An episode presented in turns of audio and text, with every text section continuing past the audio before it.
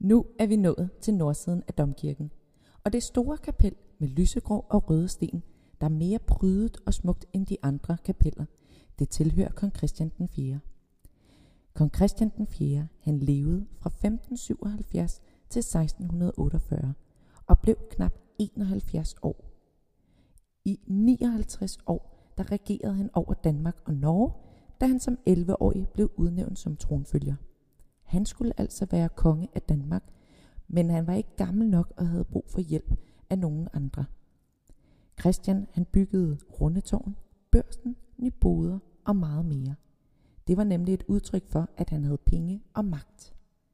Kapellet det er bygget i 1612, og til 1613 der var han lige ved at være færdig med det. Og det er altså mere end 400 år siden. Til hans første kone, som var Anna Katrine, det var hende, der skulle bo derinde. De fik sammen seks børn, men hun døde desværre længe før han døde, så han giftede sig igen med Kirsten Munk, og de fik 11 børn. Derudover så fik han fem børn uden for ægteskab, altså hvad man kender til, så han fik i hvert fald 22 børn. Men de var ikke helt unormalt at få så mange børn dengang. Der var nemlig behov for at have nogen til overlevelse, det vil sige hvis sygdom eller krig eller andre drab kom til at øh, tage nogen fra sig. Der var også behov for pasning af søskende, og senere når de blev ældre, så skulle de også passe de gamle mennesker, som man brugte dem til at hjælpe i familien.